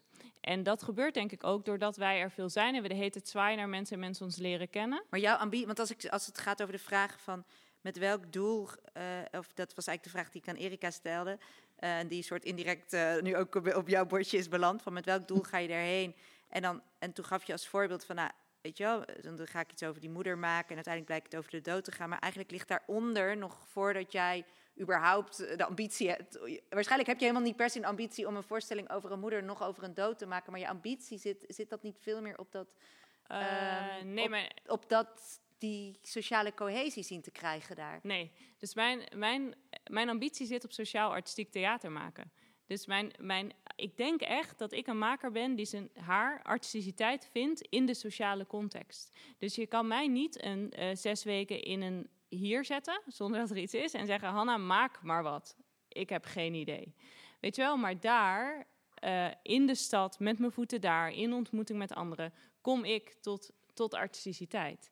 Dus als je echt aan mij zou van wat zijn je beweegredenen, zijn die grotendeels ook dat ik graag een voorstelling wil maken. Maar dat dat de voedingsbodem is van waaruit ik dat heel goed kan. En hoe plaats je dan jezelf met, met die wens uh, ten opzichte van, van zeg maar de opdrachtgever of de financier of, of hè, die hele context van, van de buurt die in beweging is en die ja. moet je Wij uh, bevragen die heel veel. Dus uh, Roche, ik heb niet het idee dat ons een opdracht geeft. Nee. We zijn heel erg, in die zin heb ik vooral contact met de wijkbeheerder die het fantastisch vindt dat we er zijn. En het maakt hem verder niks uit wat ik doe, als ik maar af en toe koffie kom drinken. um, en ook vanuit Hoog komt ook kijken, is altijd verwonderd over wat we doen. Er is één keer bij de allereerste aflevering die we maakten, is er letterlijk iets gebeurd. Uh, wat toen eigenlijk echt heel onbedoeld was, omdat er een meisje iets vertelde over de staat van haar huis. En toen ging Rochdale ineens haar huis eerder opknappen. Daar had ik toen hele ethische vroeging over, omdat ik dacht, ja, je kan het hele blok nu wel opknappen, maar niet iedereen kan dit zo, zo vrolijk presenterend op spitsen dansen vertellen. Zoals oh, heb je een mooie blog over geschreven, die had ik gelezen. Ja, ja, ja. weet je wel? En, en dan denk ik echt van, ja, shit, ik krijg eigenlijk een probleem. in. Ja, yeah, er is iets opgelost, maar ik krijg ook een probleem in mijn schoot geworpen, wat, want ja, ik gun deze renovatie dat hele blok wel. Maar eigenlijk vanaf dat moment daarna, grappig genoeg, ben ik helemaal geen voorstellingen meer gaan maken per se die zo direct gerelateerd zijn aan die renovatie. Terwijl op een bepaalde manier altijd wel. Want we zetten het altijd in de grotere context van die plek waar we zijn. En die plek waar we zijn is een plek die in verandering is. Uh, en waar uh, wordt verbouwd, of waar, waar de, uh, de huizen van slechte staat zijn, of waar waar bepaalde problemen zijn. Maar uit, in feite is dat nooit de, het echte vertrekpunt. Maar het is wel de context. Um, maar ik, ik heb niet het idee dat ik me in die zin, dat is wel het gevaar, denk ik. Mm -hmm. Dat ik me laat lenen. Ik denk dat zodra ik het gevoel zou hebben dat Rochdale zou vinden, hier moet het over gaan, want dan los je dit voor mij op dan zou ik afhaken. Want... Maar het kan toch ook iets moois zijn? Ik kom zo weer bij jou, Erika, ons uh, onzichtbare. Mm -hmm. uh, dan uh, krijg jij dit vragenvuur op je. Maar het, ik heb een beetje het gevoel alsof je ook niet. Alsof je het onp iets onprettig daaraan is om het wel voor die sociale cohesie allemaal te doen. Ja, wel voor de sociale cohesie, maar niet voor een soort specifieke hidden agenda voor Rochdale. Dus ja. dat hele, we doen bijvoorbeeld die interventies. Eigenlijk zeggen Luca en ik heel vaak, want we hebben het nog helemaal niet over publiek gehad bijvoorbeeld, terwijl dat nee. is in ons geval heel erg van belang, wie dat zijn. Maar um, we hebben enerzijds die voorstelling, dat is een moment, maar dat hele proces daarvoor, eigenlijk wat Erika net ook schetste met die bouwkeet op die plek. We hebben dan dat theatertje op die plek. Soms klappen we die fietsen waar ik het net al over had, die klappen we ergens uit op een plek. Of we bakken brood met uh, Pijk van Bakkerij de Eenvoud op een plek. Al die interventies zijn eigenlijk allemaal onderdeel van wat we doen. En die zorgen voor sociale cohesie. En daarin vind ik sociale cohesie helemaal vooraan staan. Maar daarbinnen ontmoeten we mensen, verzamelen verhalen, uh, wekken we vertrouwen zijn we zichtbaar, werven we uh, ook publiek als het ware, maak je eigenlijk gemeenschap. Maar dan komt er een moment, en dat loopt bij ons altijd helemaal in elkaar over, want bij mij tot op de, het applaus heeft ieder, zijn er mensen die invloed hebben op die voorstelling zonder dat ik daar per se invloed op heb. Uh, uh, maar wordt het wel meer, we vertellen een verhaal en binnen dat verhaal van die voorstelling durf ik ook kritisch te zijn over de woningcorporatie? Durf ik kritisch te zijn ja. soms op bewoners? Ben ik kritisch op mezelf, op mijn eigen positie? Ben ik niet een. En gaat het inderdaad heel vaak over het grotere probleem van of gentrification, of het verlies van moeders, of uh, uh, het concept dat alleen maar witte, witte vijftigers zich inzetten voor de expliciet inzetten voor de gemeenschap. En hoezo hebben we alleen maar die mensen gevonden en geen andere jonge mensen? En oh, waarom zet ik mezelf eigenlijk niet in voor de gemeenschap? Alleen maar onder het mom van ik ben Hanna de theatermaker, maar ga ik niet afval prikken? Weet je wel, dus allemaal dat soort grotere vraagstukken komen zeker dan ook allemaal ter tafel. Dus het is en-en, maar misschien op verschillende schaal per moment. Is dit herkenbaar, Erika? Zijn dit... Ja, ja, ja zeker. Ja, ik, zit, ik, ik zit ook even na te denken hoor, hoe ik hier uh, uh, op kan aanvullen. Want, want ik, her, ik herken het in, uh, zeker omdat wij natuurlijk ook wel, wel een maatschappelijke drijfveer op zich hebben. Of wij zijn ook wel makers die heel erg gedreven worden, eigenlijk door een nieuwsgierigheid naar andere mensen. En ook echt wel een verlangen hebben om mensen met elkaar in verbinding te brengen, om die stad te verbeteren. Maar dat is een drijfveer die bij ons ligt. En deel je die met die ehm, mensen? Wat zeg je? Deel je die met die mensen? De stadbewoners? Um, van we zijn hier om jullie... Ja, misschien, misschien um, uh, niet, wel, niet direct. Um, maar dan komen we eigenlijk even terug op een iets eerdere vraag volgens mij die voorbij kwam. Is hoe ga je om eigenlijk met de verhalen die je, die je verzamelt? Um, uh, als je gaat aanbellen met we zoeken een verhaal voor een theatervoorstelling, dan, dan dan, dan loop je mensen een beetje, uh, dan wals je een beetje over mensen heen. Dus, je, um, dus we beginnen soms met een hele andere vraag. En op het moment dat we denken, ah ja, maar hier zit iets moois, of hier zit iets leuks, of je hebt een klik met iemand, dan ga je door en dan, dan, dan bouw je een band op. En dan kom je op een punt waarop je inderdaad kan, uh, iemand kan meenemen van, ja, we, we gaan dit maken. Wil je, wil je ons helpen of wil je meedoen of mogen we mogen we je verhaal gebruiken. Het is wel zo dat wij altijd onszelf introduceren als theatermakers. Dus wij introduceren onszelf niet als, ehm, eh, als iemand die we ook niet zijn. Uh, uh, we wonen zelf ook in de stad. Um, oh ja, dat wou ik nog zeggen, want dat herken ik ook wel van, het, van wat Hanna beschrijft over Radio van Dijssel. Je, je bent daar heel veel. En ja. Hanna woont in dit geval in de buurt. Wij wonen zelf ook voor een deel, groot deel in Leiden. We werken met lokale partners samen. de buren zien je komen en gaan. En of je werkt op een bepaalde locatie aan een voorstelling. Dus je, je bent er en je verbindt je aan een plek. Als mens en als theatermaker. En dat, daardoor ga je een, een band opbouwen en vertrouwen opbouwen. En natuurlijk ga je nooit zomaar iemand zijn verhaal pikken en dan lekker in je eigen voorstelling uh, knallen. Dat gaat niet. Dat is, dat, dat, of ja, dat, dat kunnen wij niet. Dus je moet iemand of proberen mee te nemen daarin, of een vorm vinden waarin dat oké is. Maar die oprechtheid, die authenticiteit, waar Hanna het ook in het begin over had, dat is wel een heel belangrijk goed in, het, uh, in, deze, in, de, in deze werkpraktijk. Mensen moeten je kunnen vertrouwen en zin hebben om mee te doen. Dat is wel een spanningsveld, toch? Waar je dan, dit klinkt wel zo'n grote... Uh, hoor je, dit, uh, hoor je dit, dit is een spanningsveld waarop je werkt als toch? Tussen ja, die, ja, zeker. Daar moet dus je... toch een agenda en een authenticiteit. Ik bedoel, niet, ik bedoel het echt niet negatief. Ik bedoel het meer van ik hoor jullie, weet je maar wel. Weet je, eigenlijk, dus, ik denk eigenlijk dat dat de kwaliteit is van de sociaal-artistieke maker. En dat die dus juist ook verschilt van, om het maar even zo te zeggen, de reguliere theatermaker. Dus ik denk dat die, die gevoeligheid, die sensitiviteit, die... Uh, uh, um, dat, daar, dat dat ergens misschien wel de kernkwaliteit is van een goede sociaal-artistieke theatermaker. Dat je daar. Dat is, dat is een deel van je ambachtelijkheid, volgens mij. Zoals een ander soort maker heel goed het repertoire in kan duiken en denken: oh, maar mm. dit stuk gaat eigenlijk over. Dus die haalt de voedingsbodem uh, daaruit. En als sociaal-artistiek uh, maker ben je nog steeds wel van plan om theater te maken, maar je haalt je inspiratie uit een sociale context. En dat, is soms een, uh, en dat zijn soms afzonderlijke verhalen, maar die samen wel een groter verhaal vertellen over hoe we met elkaar samenleven in de stad. En die eigenlijk binnen die context kun je misschien wel beter vertellen wat je wil vertellen als maker dan in een, in een zaal voor hub zomaar publiek. Ja. En dat, ja. Want jij schrijft niet zoveel over publiek. Daar was ik benieuwd naar. Omdat bij ons hm. bijvoorbeeld, want dat is even voor goed voor de mensen die nog nooit bij Radio van Duits zijn geweest. Wij hebben dus een heel klein mini-theater, een oud winkelpandje. Daar op het oog zou je denken, er passen tien mensen in, maar daar proppen we dan uh, eh, 70 mensen in tijdens die voorstelling. En, dat, en dat, dat gegeven van zo heel dicht op elkaar die voorstelling meemaken, waar tussen verhalen verteld worden, waar tussen ook een soort interactiemoment is, waarin ze zelf iets moeten delen, waarin elke ademhaling gehoord is, iemand opmerkingen maakt tussendoor, ons buurmeisje Mimla nog een vraag heeft omdat ze iets niet begrijpt of nog iets wil toevoegen omdat het toch anders zit dan wij het vertellen dat voor mij, en we richten dus altijd heel erg op een mix van publiek. Dus een mix van mensen die wij hebben ontmoet, zeg maar. Of je zou kunnen zeggen mhm. uit, uit de eerste cirkel rondom dat pand. En ook, zeg maar, gewoon Frascati-publiek.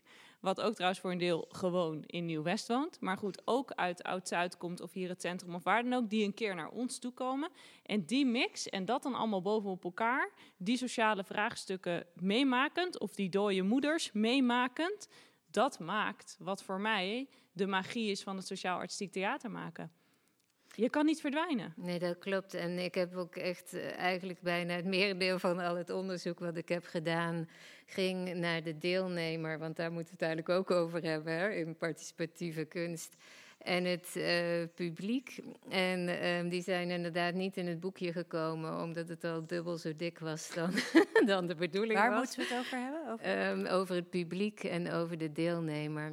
Dus binnen de community arts, participatieve kunst heb je natuurlijk meerdere perspectieven. Hè? Die van de maker, die van de sociale context of lokale overheden, Rochdale, dat soort betrokkenen. Maar ook de deelnemer, die echt intensief betrokken is, en het publiek en de wisselwerking daartussen.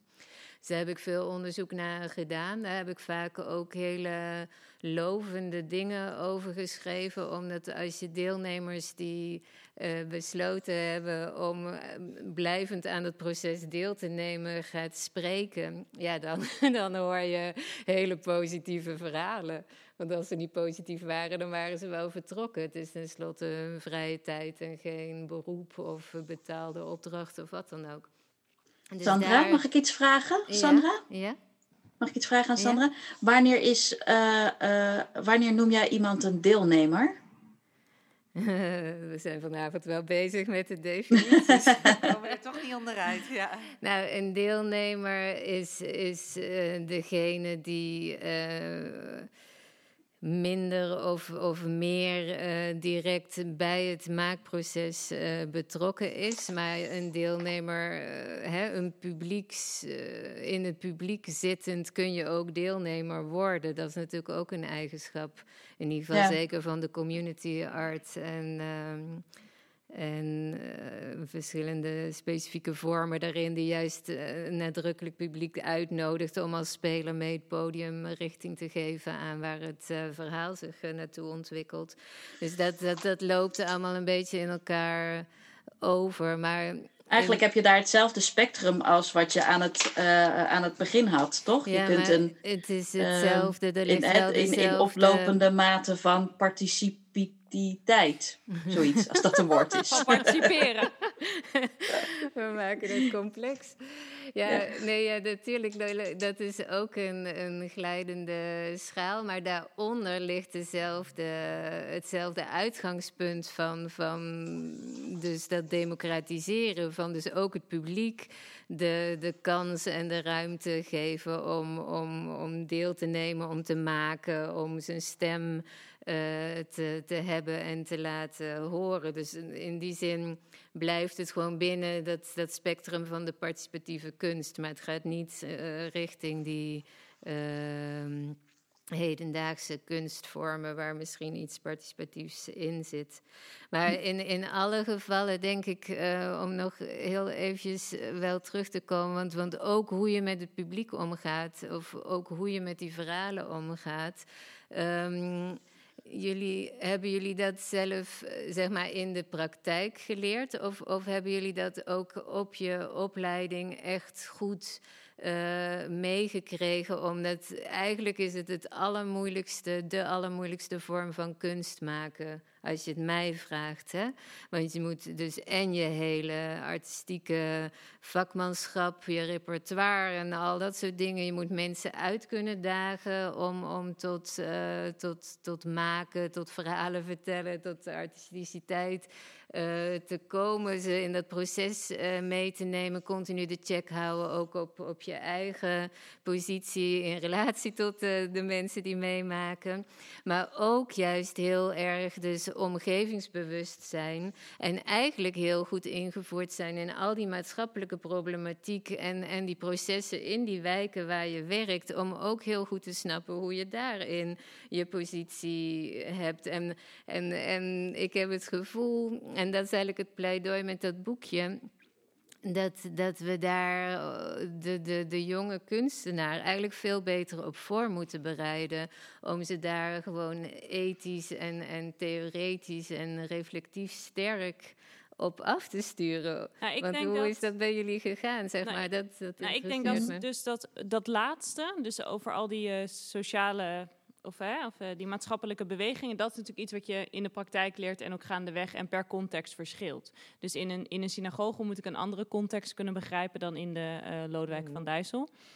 Eh, maar dat andere, over dat omgevingsgerichte, dat is nou typisch iets waar een theaterdocent, wat, wat intrinsiek in de opleiding van een theaterdocent zit. Dus ook wie heb je voor je, hoe werk je met diegene, hoe krijg je uit diegene wat je eventueel zou willen. dat. Dus dat, het, ik denk dat dat bij mij in ieder geval, en Pepijn en Thijs, die bij PS Theater werken, zijn ook allebei eh, in eerste instantie opgeleid als theaterdocent. Ik denk dat dat dus wel ergens in, in het vakmanschap van de theaterdocent eh, ehm, dat aspect zit. En zeker leer je dat daarna in de praktijk met vallen en opstaan. Want en wat blijft voor jou de grootste uitdagingen aan dit vak, laat maar zeggen? dit allemaal in handen hebben. Hoe, hoe bedoel je dit?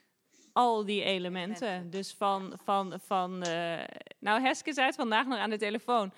My god, weet je nog, toen die allereerste keer, je hebt een theater gebouwd, je hebt mensen leren kennen, je hebt de ramen gezeemd, je hebt een voorstelling gemaakt, je hebt publiek ontvangen, je hebt je publiek uitgenodigd, je hebt een nazit gehad en toen nou, ja, was ik half dood. Maar waar Ja. gaat het dan, waar, laat ik maar zeggen... eh, Het waar is- zit voor jou het grootste spanningvlak van of het dan ook nog een goede voorstelling wordt? Of, of je het ook wel goed naar die mensen hebt? Of is dat niet, kan ik dat niet? Waar zit voor jou de... Je wil natuurlijk, eh, je wil maken, je wil misschien goed maken, ik weet niet. Maar dat zit daar allemaal onder. En voor mij hoort dat daar allemaal bij. Maar ik vind steeds het, spannings, het grootste spanningsveld bij eh, Radio van Dijssel is toch steeds weer. Je hebt, een soort, je hebt een soort idee en dan het spannendste moment is kijken, wat ga ik vinden? Wie ga ik ontmoeten? Wie zou er mee willen doen? Eh, wat gaan zijn de moeilijkheden die ik ga tegenkomen? Eh, ik herinner me ook een voorstelling, die, ook om een voorbeeld te praten, werkt soms, hè, die ik, wilde ik over werk maken. Nou, er zaten al heel veel moeilijkheden in, want wij, eh, dit kwamen pas allemaal gaandeweg achter. Maar wij werken overdag, dus dan treffen we natuurlijk niet de mensen die werken. Hè? Dus het, het verhaal wat we vonden was er natuurlijk ook een van grote werkloosheid, bij wijze van spreken. Lekker bevestigend. Maar ja, Hanna, wanneer ben je daar? Tussen tien en vijf.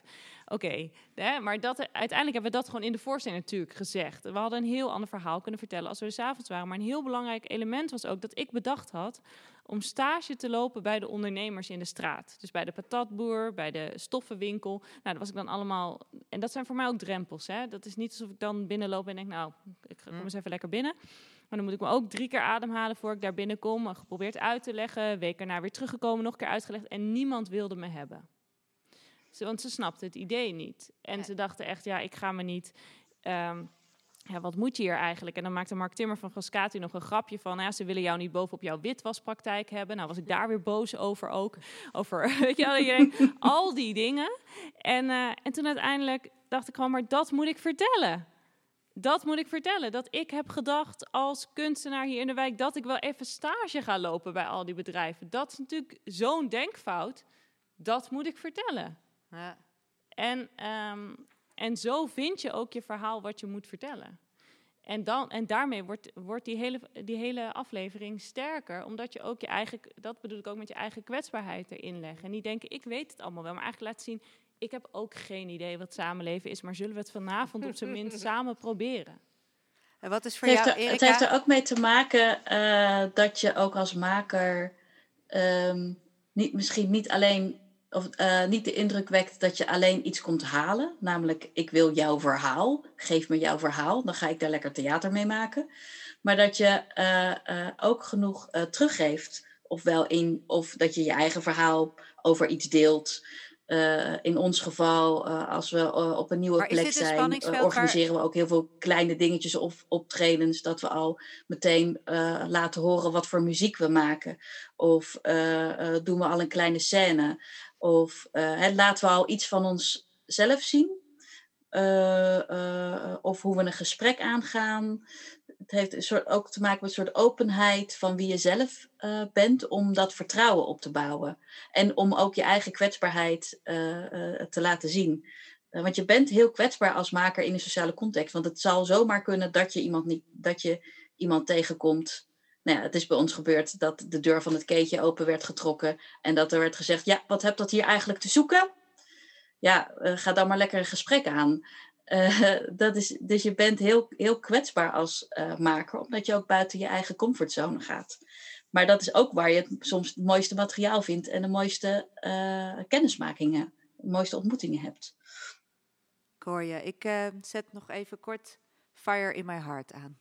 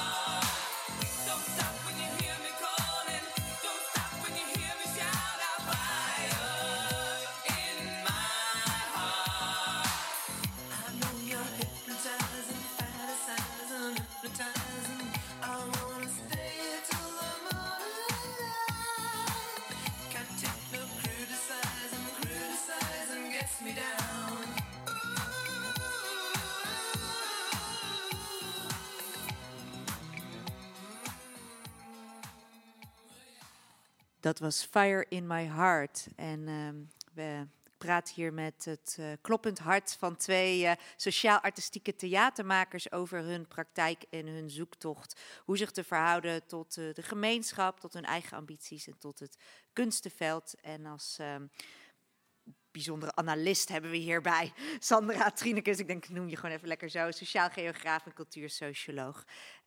over hoe we al deze spanningsvelden in het in het praktijkveld kunnen duiden. Radio Futura, Radio Futura. Uh, ik heb in het afgelopen um, vijf kwartier uh, meer gehoord over die, um, ja, eigenlijk die tweeledige kwaliteitseis die zit aan het maken van die sociaal-artistieke praktijk. Dus dat je naast een, uh, je voorstelling ook um, tot al die andere partijen te verhouden hebt. En ook een bepaald soort ambachtelijkheid wat daarbij hoort. Of hoe jij dat net benoemde, Hanna, over ja, die gevoeligheid eigenlijk voor die omgeving en wat iedereen nodig heeft. Uh, het, kwetsbaarheid van buiten die comfortzone treden. Uh, wordt deze struggle gezien? Door? Niet door je moeder, maar door ieder ander in deze wereld wiens mening jij hoog hebt zitten. Word je, wordt, ja. ja, mijn werk wordt wel gezien en gewaardeerd. En met name in de theaterdocentachtige community. Daarbinnen, als je kijkt specifiek naar Radio van Dijssel, is dat denk ik echt een voorbeeld voor. Ja, dat vind ik zo raar om over jezelf te zeggen, maar denk ik dat dat wordt gezien als een interessant sociaal-artistiek voorbeeld. En dat geldt denk ik ook voor PS-theater. Dus binnen die, als je, als je kijkt naar een community waar ik ook heel erg in zit, hè, dus dat is een community van theaterdocenten, van, van mensen die met één been ook in, in, ehm, in, eh, in de wereld staan. En met het andere been bijvoorbeeld in het onderwijs of met het andere been in de kunstpraktijk. Daarin wordt het gezien. Als je het hebt over wat jij net noemde, hè, de bevestigde, of noem je het? de, de gevestigde, de, Kunstenveld, ja. ja hoe het we het veld, Hoe dat we van, het wat dat dan ook is, het veld. Ja, Mijn vriend precies. zegt altijd, waar heb je eh, het bloemenveld? Nee, het veld, te weinig. Er wordt weinig gezien, denk ik. En eh, wat mis je? schrijven over, denken over, gesprekken over, ehm, spreadsheets in de Volkskrant over. Dat, denk ik, zou je kunnen zeggen, omdat er gewoon heel veel interessant werk wordt gemaakt. En wordt Erika, denk je niet? Ja, ja, ik zit even eh, om aan te vullen. Inderdaad, een, een deel van het veld eh, ziet deze manier van werken zeker ook goed voor wat, het, voor wat het is en wat het betekent en hoe het werkt. En dan inderdaad iets meer in de richting van de, van de theaterdocenten of eh, nou ja, ook een beetje die eh, hoek. Eh, door wie het in ons geval ook wordt gezien, gelukkig is het publiek en ook heel veel nieuw publiek en mensen die anders niet zo snel naar theater gaan en of mensen die wel veel naar theater gaan, maar die eh, hè, ons, onze aanpak of onze twist heel erg waarderen. Dus, het, eh, dus ik zou zeggen, het gewone publiek. Eh, daar wordt het door gezien en gewaardeerd. En in ons geval ook wel door de gemeente of door partners uit de stad, gelukkig. Maar inderdaad, het meer het reguliere werkveld.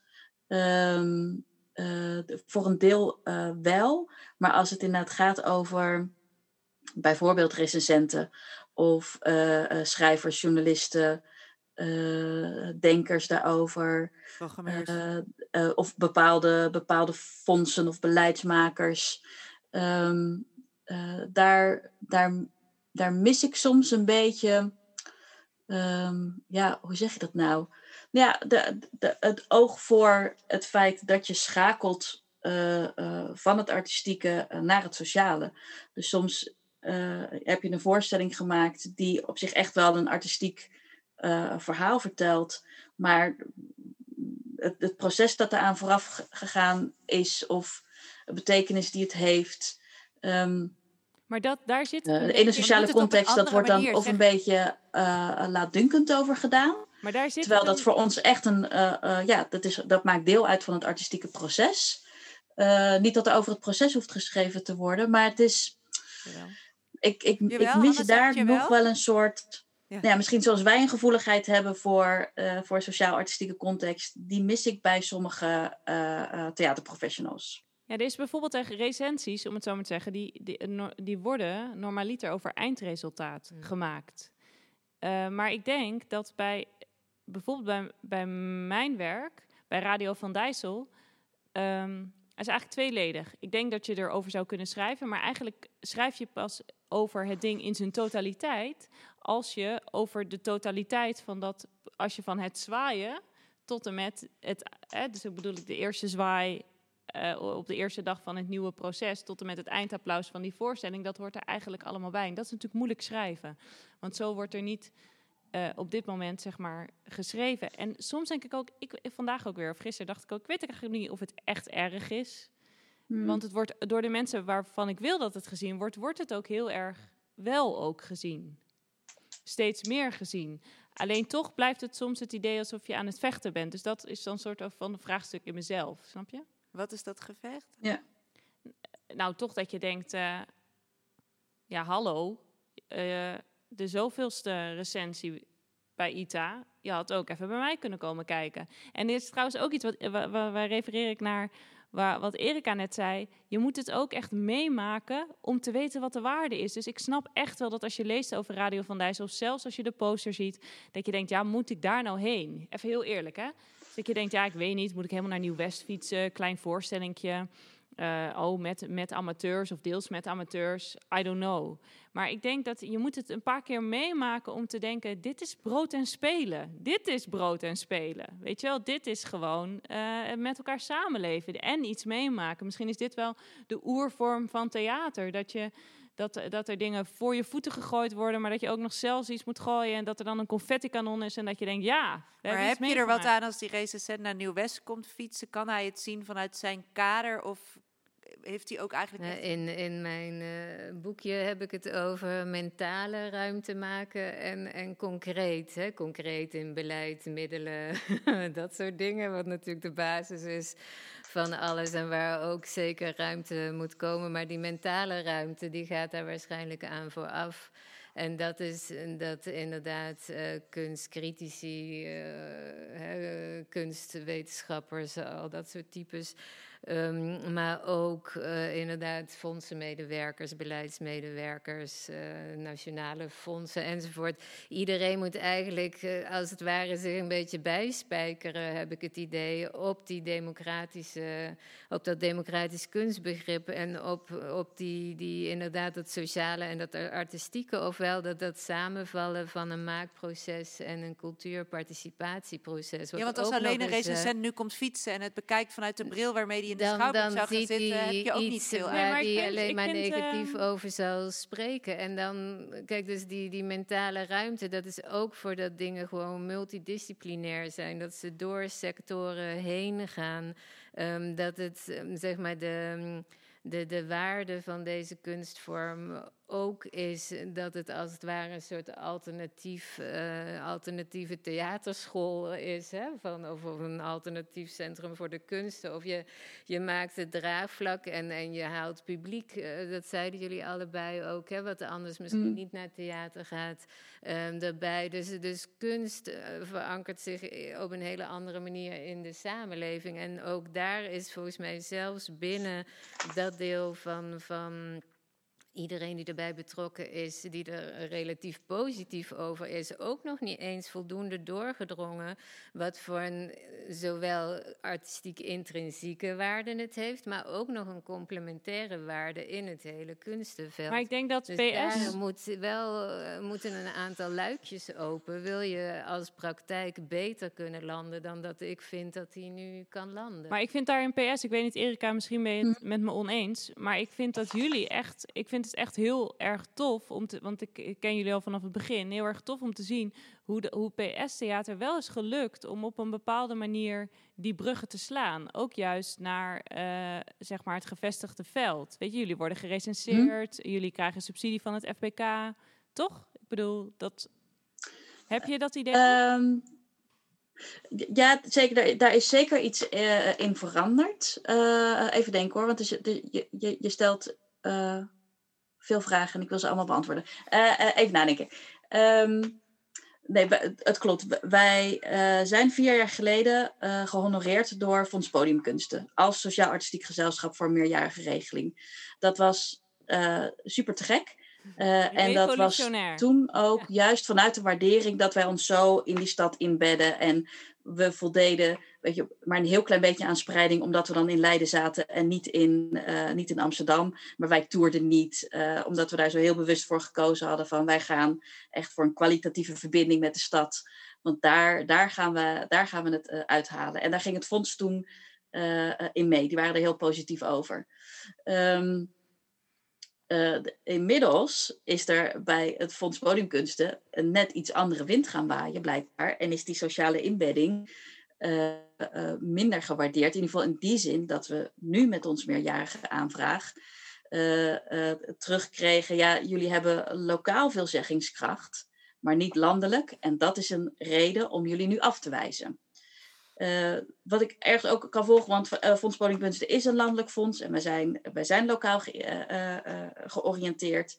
Maar de voorstellingen die wij maken, die, die overstijgen het lokale. Het gaat over hoe we samenleven met elkaar. Dus voor ons is dat wel een beetje vreemde redenering. Dus we hebben die brug wel geslagen naar, naar het reguliere werkveld. Maar dat is dus ook een beetje, blijkbaar een beetje een, een wankele brug gebleken. Ja. Datzelfde geldt een beetje voor, uh, voor recensenten. Die zijn inderdaad geweest. Volkskrant, Theaterkrant, NRC, die zijn geweest. Maar die hebben best wisselend over ons geschreven. Heel positief. en soms ook niet. En, um... en, nemen die dan het proces mee in zo'n Heb je het idee dat zij dat, of vind jij dat zij met een andere bril ook naar jullie werk uh, mogen kijken? Of dat er wat meer nodig is om, om jullie Ja. werk te waarderen? Ik, ik weet het niet zo goed, terwijl we het er net over hadden. En eh, ehm, eh, zit ik erover na te denken, omdat ik, kijk wat ik aan het begin zei, onze projecten eh, wisselen een beetje. Het ene is echt wel een, art- eh, werkt echt wel toe naar een artistiek eindproduct. Dus dan zou je eigenlijk mogen zeggen, dit is een artistiek eindproduct, dus daar mag een recensent bij komen met zijn artistieke eh, kader, eh, gekaderde bril.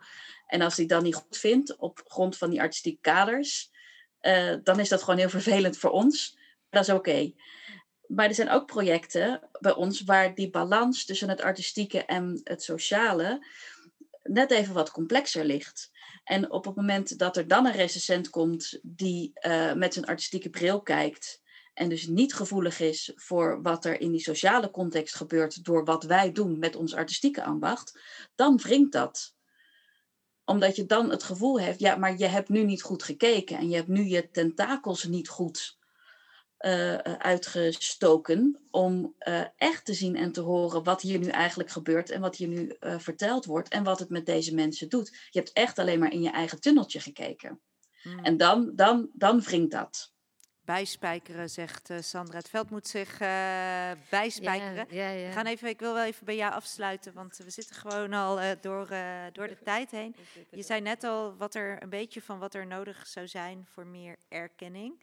Ehm, in je, jullie manifest, wat jij ook hebt geschreven, heb je het ook over een streefbeeld voor de vrij nabije toekomst. Ehm, hier zit het met twee sociaal-artistieke makers aan tafel en met eh, een, het, het kunstenveld luisterend, gekluisterd aan de radio. Wat eh, zou je hen en, eh, en de anderen willen zeggen? Ik zou pleiten voor ehm, eerlijke ontwikkelingskansen. Voor ehm, participatieve kunst, omdat het natuurlijk kunst is, maar op veel vlakken afwijkt. Zeker als je ook met eh, niet-professional, niet-professionals uiteindelijk op het podium of in de voorstelling, tentoonstelling staat. Het is vaak een nette andere esthetiek. En, en dat, dat, ja, dat is gewoon echt iets anders. Hè? Dus het proces is anders, maar ook de uitkomst. Dus daar moet ruimte voor zijn. Daar moet, denk ik, in de beoordeling dus ook een breder eh, blik eh, komen. Ik denk zeker dat het proces meegenomen moet worden. Maar ook eh, veel meer de intenties die of sociaal of politiek of veranderingsgezind of wat dan ook eh, kunnen zijn. En de manier waarop die vertaald zijn eh, in de betreffende, het betreffende project of de betreffende voorstelling. Um, en ik denk dat je, dat je onderling toch ook over kwaliteit een, een meer een helder kader zou moeten kunnen vinden. Van in hoeverre is dat zeg maar het gangbare kwaliteitsbegrip of, of waar wijkt dat ook af? Want daar hebben we natuurlijk al heel vaak over. Want het moet op zijn eigen merites beoordeeld worden. Maar ja, wat is dat dan precies? Hè? Hoe doen we dat dan precies? En daar zetten we eigenlijk ook nooit een stap. Dus in dat, hoe noemde ik het, toekomstbeeld? Of we? Streefbeeld. Wouter Hillard en ik, het streefbeeld. Nou, het streefbeeld voor 2030 is wat mij betreft dat er dus uh, concreet ruimte is. Dus meer middelen. Ik snap als je misschien bij een landelijk disciplinair fonds uh, niet helemaal terecht kunt, omdat je tenslotte een plaatsgebonden activiteit bent. Zorg dan dat bij Fonds Cultuurparticipatie structurele subsidies voor deze praktijken mogelijk zijn. Want die hebben alleen maar regelingen en alleen meerjarig voor festivals. Dus zorg gewoon dat de initiatieven die zich hebben bewezen. Uh, dat ze gewoon krachtig, mooi, ethisch, gezond werk maken, dat die door kunnen. Dus daar zou ik voor pleiten. Maar dus ook voor een dieper begrip, dat het gewoon wel echt vanuit een ander kunstbegrip is neergezet. En dat daar dus andere. Uh, andere richtlijnen bij horen. Dat, dat... Je wil nog reageren, Hanna? Je ja. zit mij verwachtingsvol aan te kijken. Ik zou gewoon zeggen, een sociaal-artistiek mm. productiehuis. Uh, ik hoor een ambitie. uh, is er niet bij. nog, uh, heeft Rochdale niet nog een plekje vrij? dan nog daaraan voorafgaand. ik ik zal helaas ehm, een einde moeten maken aan deze uitzending. En naast de publicatie Participatieve Kunst Gewoon kunst in moeilijke omstandigheden van de hand van Sandra Trinekes. Uh, te bestellen bij uitgeverij V2. Doorzetten uh, is, uh, is ook deze uitzending van Radio Futura eigenlijk gewoon verplichte kost voor nieuwe theatermakers. Zeker weten. Om zich te laten inspireren over deze volwaardige kunstvorm. Uh, het in het sociaal-artistieke domein. En dat met dank van het delen van hun ervaringen. Hanna Timmers en Erika Smits. En natuurlijk hier ook aan tafel Sandra Trinekens. Dit was Radio Futura. Uh, morgen zijn we, zaterdag zijn we er bij hoge uitzondering. Zelfs in het weekend. Dan zit Dionne Verwij op mijn plek. En uh, daarna gewoon weer volgende week woensdag tot en met vrijdag van 7 tot half 9 in een doodstil Frascati. Maar hier in Frascati 3 gaan we door. In deze studio vormgeven de Julian Maywald en onder begeleiding van de muzikale vormgeving van Leon Bril en Danny Lukkesen. Fijn dat je luisterde. Radio Futura, Radio Futura.